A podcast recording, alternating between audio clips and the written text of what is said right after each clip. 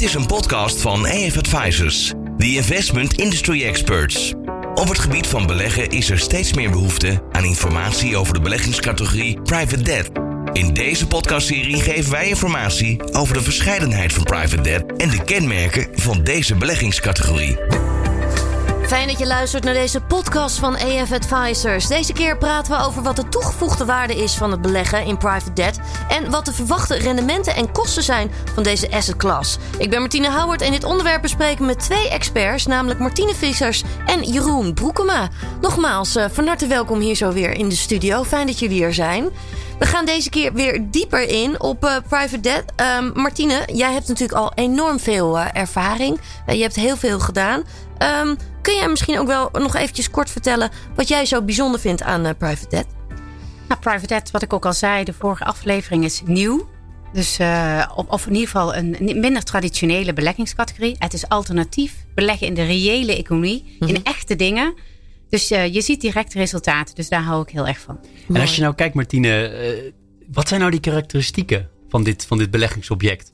Nou ja, uh, beleggen in private debt is een typische actieve strategie. Dus daar ga je niet passief een benchmark volgen, maar je moet actief hierin beleggen. Dus je moet of dat zelf kunnen, en dat vraagt behoorlijk veel van je portfolio managers, of je kiest een externe manager die daar veel ervaring mee heeft. Um, en eigenlijk de ervaring die je nodig hebt, hebt is voornamelijk een groot netwerk. Want deal sourcing, het, het, het vinden van goede bedrijven waaraan je die leningen kan uh, verstrekken, is heel erg belangrijk. Informatie is schaars. Bedrijven die uh, gaan eigenlijk niet met hun uh, informatie te koop lopen dat ze een lening nodig hebben. dus je moet echt het goede netwerk hebben. Wat je daarin ook ziet is dat um, private equity bestaat natuurlijk al langer. En dat vaak de private equity partijen nu ook samen met private debt partijen gaan optrekken om die bedrijven eigenlijk klaar te maken voor de toekomst. Wat zeg je dan eigenlijk dat je echt wel heel groot moet zijn om dit helemaal zelf te kunnen? Nou, wat, je, wat ik eigenlijk zeg is dat um, het net zoals in, in vastgoed en net zoals in private equity eigenlijk het beste overgelaten kan worden aan specialisten. Je hebt te veel kennis nodig om dit zelf te doen. En um, buiten dat je ook heel veel ervaring moet hebben om in die markt gewoon eigenlijk actief te zijn. Het structureren van leningen is lastig. Het, het vinden van goede bedrijven is lastig. Maar ook het beheren van deze leningen. En misschien wel een workout. Dus uh, letterlijk, als er dadelijk een bedrijf in de financiële problemen komt. Hoe ga je dan om met die lening? Er zijn heel veel zaken belangrijk. Maar vragen mensen ook snel om hulp? Of vinden ze dat best lastig met dit soort dingen? Nee, leningen is eigenlijk wel iets wat heel gebruikelijk is bij bedrijven die groeien. Dus dat is iets wat voornamelijk eigenlijk vroeger altijd via de banken liep. Uh, waar uh, hun accountant vaak ook wel uh, een, een, een, een, een belangrijke rol had. Grote corporate finance ad, kantoren, die draaien hier natuurlijk volledig op. Dus het, dus het is niet zo dat dit iets is wat vroeger niet werd gedaan. Het grote verschil, en dat is leuk om daar misschien een parallel met hypotheken mee te trekken. Vroeger ging je altijd naar de bank als je een hypotheek nodig had. Daar dacht je helemaal niet over na. En nu ga je ook naar niet-bankaire spelers. Er zijn een aantal hele grote partijen die nu uh, naast de banken ook uh, hypotheken verstrekken. Nou, en ik verwacht dat dit ook met private debt straks veel gebruikelijker, gebruikelijker gaat worden. Banken zullen de traditionele senior loans, dus met heel veel zekerheden, heel recht toe recht aan, lekker zelf gaan doen. Maar als het een beetje complex wordt, groot of er wordt, uh, worden wat bijzondere voorwaarden gevraagd als onderneming, dan zal dit eigenlijk niet meer door banken gedaan worden. Want wa waardoor wordt dat getriggerd dat het nu zo groeit?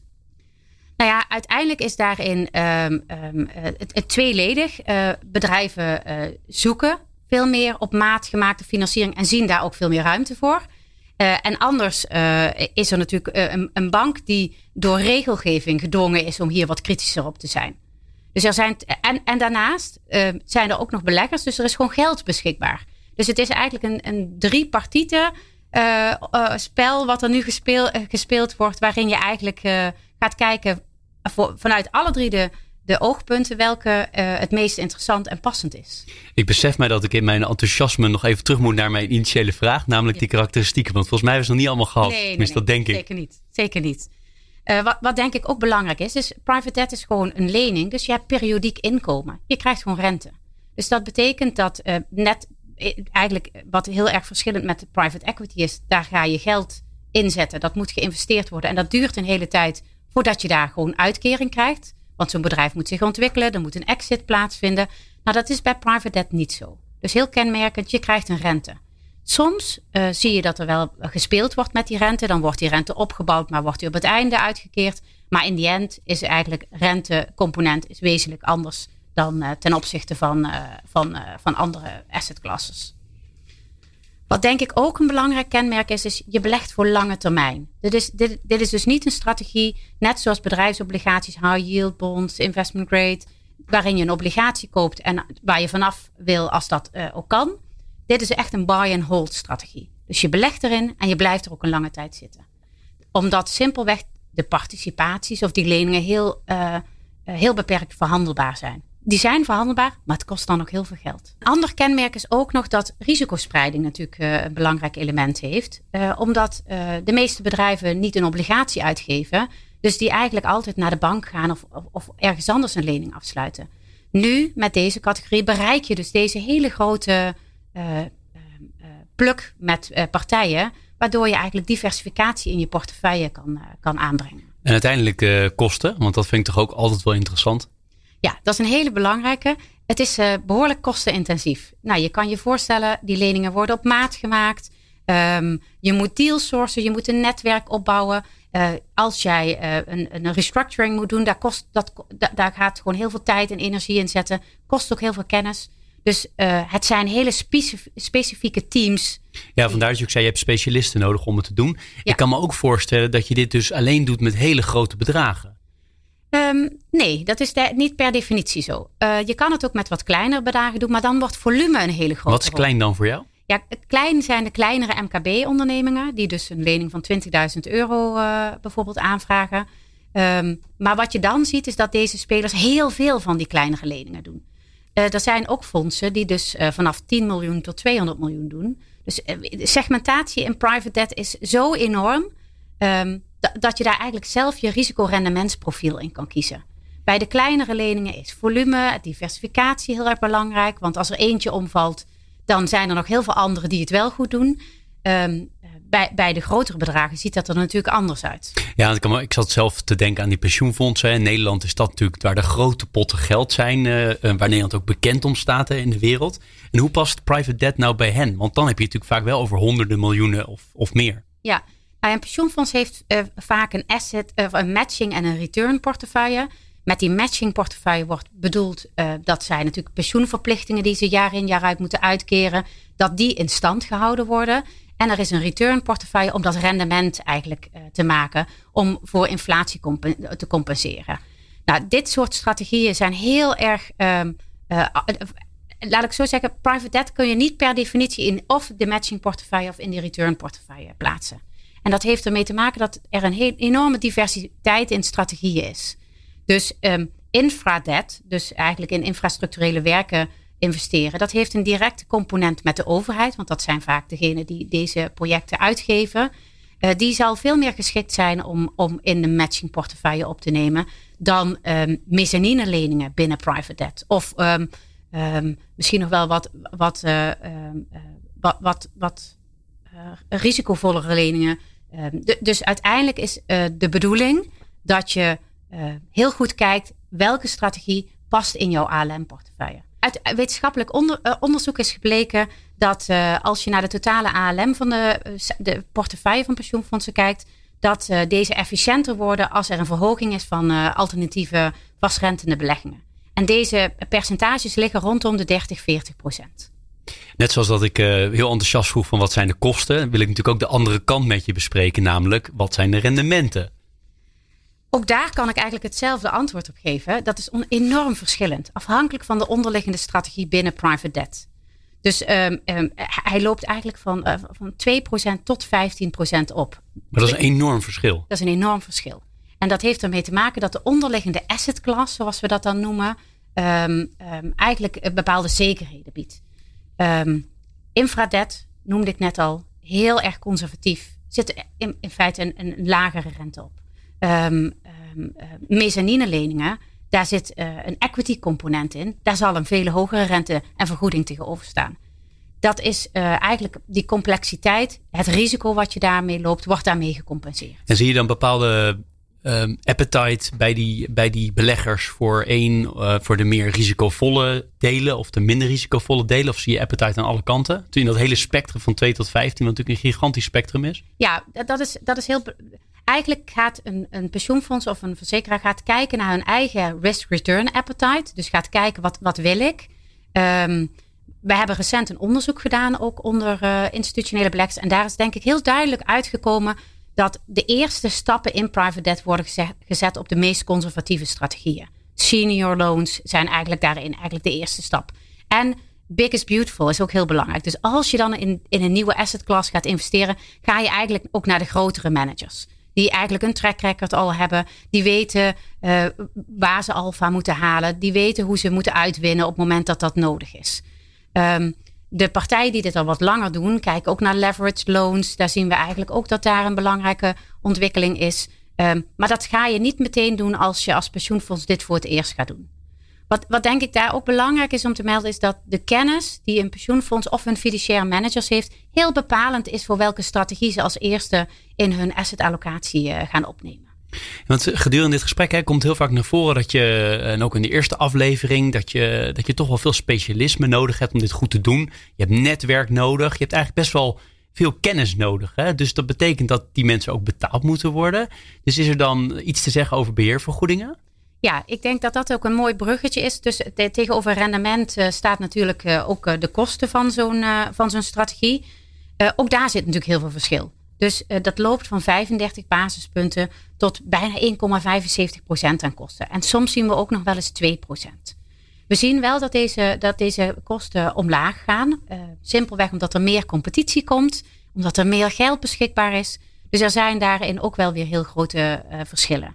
We hebben dat gezien bij hypotheken. Um, wij begonnen toen ik vier jaar geleden met hypotheken begon, zaten we op 50 basispunten. Dat, deed, eh, dat was voor iedereen heel een normaal uh, tarief. En vervolgens zitten we nu bijna op 25 basispunten. Dus bijna een halvering. Dus dat is denk ik wat we hier ook zullen gaan zien. Op het moment dat er um, meer um, ontwikkelingen komen, meer uh, track wordt opgebouwd, kan daar ook veel strakker op uh, um, gestuurd gaan worden. En als ik nou een, een grote pot met geld heb als, uh, als belegger, als asset manager, mm -hmm. dan zou ik denken, ik kijk naar wat kan het mij opleveren, de yieldkant, wat, wat, zijn, mijn, wat zijn mijn kostenkant. Um, en kan ik spreiden. Hè? Dus private debt als misschien als nieuwe asset class voor mij, heel interessant. Uh, zijn dat ook de, de, de voordelen hoe ik moet denken? Of zie je ook nog andere voordelen voor, van private debt? Ja, nou, ik denk dat je daar de belangrijkste genoemd hebt. Maar een andere belangrijk is, dus wat ik ook al een aantal keer heb genoemd. Je krijgt dadelijk naar een segment blootstelling die je nog nooit eerder hebt bereikt. Dus als we het over uh, diversificatie hebben, is dat natuurlijk een enorm belangrijk uh, element. Risicospreiding, omdat je andere risicobronnen aanboort. Ja. ja, en Jeroen zei het al, dat zijn echt wel de voordelen dan eigenlijk ook wel. Hè? Waarom zou je het niet doen? Waarom zou je niet voor private debt kiezen? Ja, dat, dat is denk ik een, een, een heel belangrijke overweging die soms over het hoofd wordt gezien. Want iedereen vindt nieuwe beleggingen interessant. Um, pensioenfondsen hebben heel veel andere aandachtspunten. Dus je moet echt kennis ook in huis hebben om dit te kunnen beoordelen. -huh. Dus um, uh, je moet countervailing power kunnen leveren. Dus je moet kunnen zeggen tegen die manager: dit wil ik wel of dit wil ik niet. En bij de selectie moet je heel nadrukkelijk kunnen aangeven welke type strategie je wil. Er zijn zoveel verschillende strategieën. Dus um, uh, voornamelijk het kennisniveau is een, is een hele belangrijke. Heb je die niet of kan je die niet inkopen? Uh, doe dit dan niet. Wat denk ik ook belangrijk is, is je moet liquiditeit uh, hebben. Of beter gezegd, je moet ook illiquiditeit kunnen dragen. Dus dat is denk ik, je moet dit ook voor lange termijn willen doen. Een typische buy-and-hold strategie. Daarnaast zijn er ook sommige pensioenfondsen die in hun investment beliefs hebben gezet. Wij willen alleen maar passief beleggen. Dus dat betekent eigenlijk niet handelend Um, en dat is eigenlijk bij deze strategie niet mogelijk. Het is een echt een actieve strategie. Um, misschien nog een andere vanuit een private debt oogpunt. Er moet wel echt track record bij een manager aanwezig zijn. Dus ga geen manager selecteren die, die dat uh, zeer beperkt heeft opgebouwd. Wat ik daar wel nog als belangrijke kanttekening wil zeggen. Die kennis hoeft niet altijd opgebouwd te zijn in het huidige fonds. Dat kan ook in andere uh, fondsen. Um, maar wat we nu ook zien en wat het zo'n nieuwe asset class is, het is nog niet helemaal door de cycle heen gegaan, zoals we dat dan noemen. Dus in goede tijden kan iedereen lekker uh, leningen verstrekken. Maar in slechte tijden moet er ook uitgewonnen kunnen worden. Ja, dat is interessant. We zijn niet door de cycle gegaan, maar dat zou wel eens heel snel kunnen gaan gebeuren. ja, als we nu kijken waar we nu staan, zien we dat. wat heel interessant is, wat we zien in private debt ook een beetje verandering. Dus we zien dat het steeds moeilijker wordt om geld uit te lenen aan bedrijven. Dus we zien heel veel beleggers willen daarin. En we noemen dat dry powder. Dus er komt heel veel geld in, maar er kan eigenlijk niet zo snel geld uit. Dus de, de managers blijven heel kritisch op het, op, op het selecteren van goede leningen. Dus er ontstaat een heel grote bulk met geld, wat eigenlijk niet, niet aan het werk gezet wordt. En wat we ook zien, is dat het aantal distressed funds, zoals we dat noemen, ook ineens heel hard aan het groeien is. En, en distressed funds doen eigenlijk niks anders dan leningen opkopen van bedrijven die in de problemen zijn geraakt. En die zijn gespecialiseerd in het uitwinnen of het uitmanagen, moet ik eerder zeggen, van deze leningen. Dus dat geeft ook wel een beetje aan in welk sentiment we op dit moment in de markt zitten. Ja, we zouden nog wel eens wat meer vraag kunnen krijgen naar het herstructureren van dit soort uh, dingen ook. Ik hoop voor niet, maar ik acht de kans wel heel groot dat dat gaat gebeuren. Tot slot, je triggerde me tijdens dit eh, gesprek ergens meer aan het begin met toen je zei: We hebben ook onderzoek gedaan. Wat hebben jullie precies gedaan? Ja, we hebben uh, heel veel institutionele beleggers en hun financiële managers uh, geïnterviewd. En letterlijk geïnterviewd op een onderwerp waar zou je in willen investeren als je in private debt wil investeren? En hoe zou dat passen in jouw portefeuille? En daar zijn eigenlijk wel heel veel interessante um, aspecten uitgekomen. Uh, wat ik ook al zei, als je nieuw bent in deze sector, ga dan, of, dan was de voorkeur vaak senior loans, heel conservatief. Um, als je al wat langer actief was, schoven ze meer naar de meer risicovollere strategieën op. Um, het is ook heel erg afhankelijk hoe een pensioenfonds is ingericht. Um, heb je kennis in huis, kan je het zelf doen? Moet je een manager selecteren?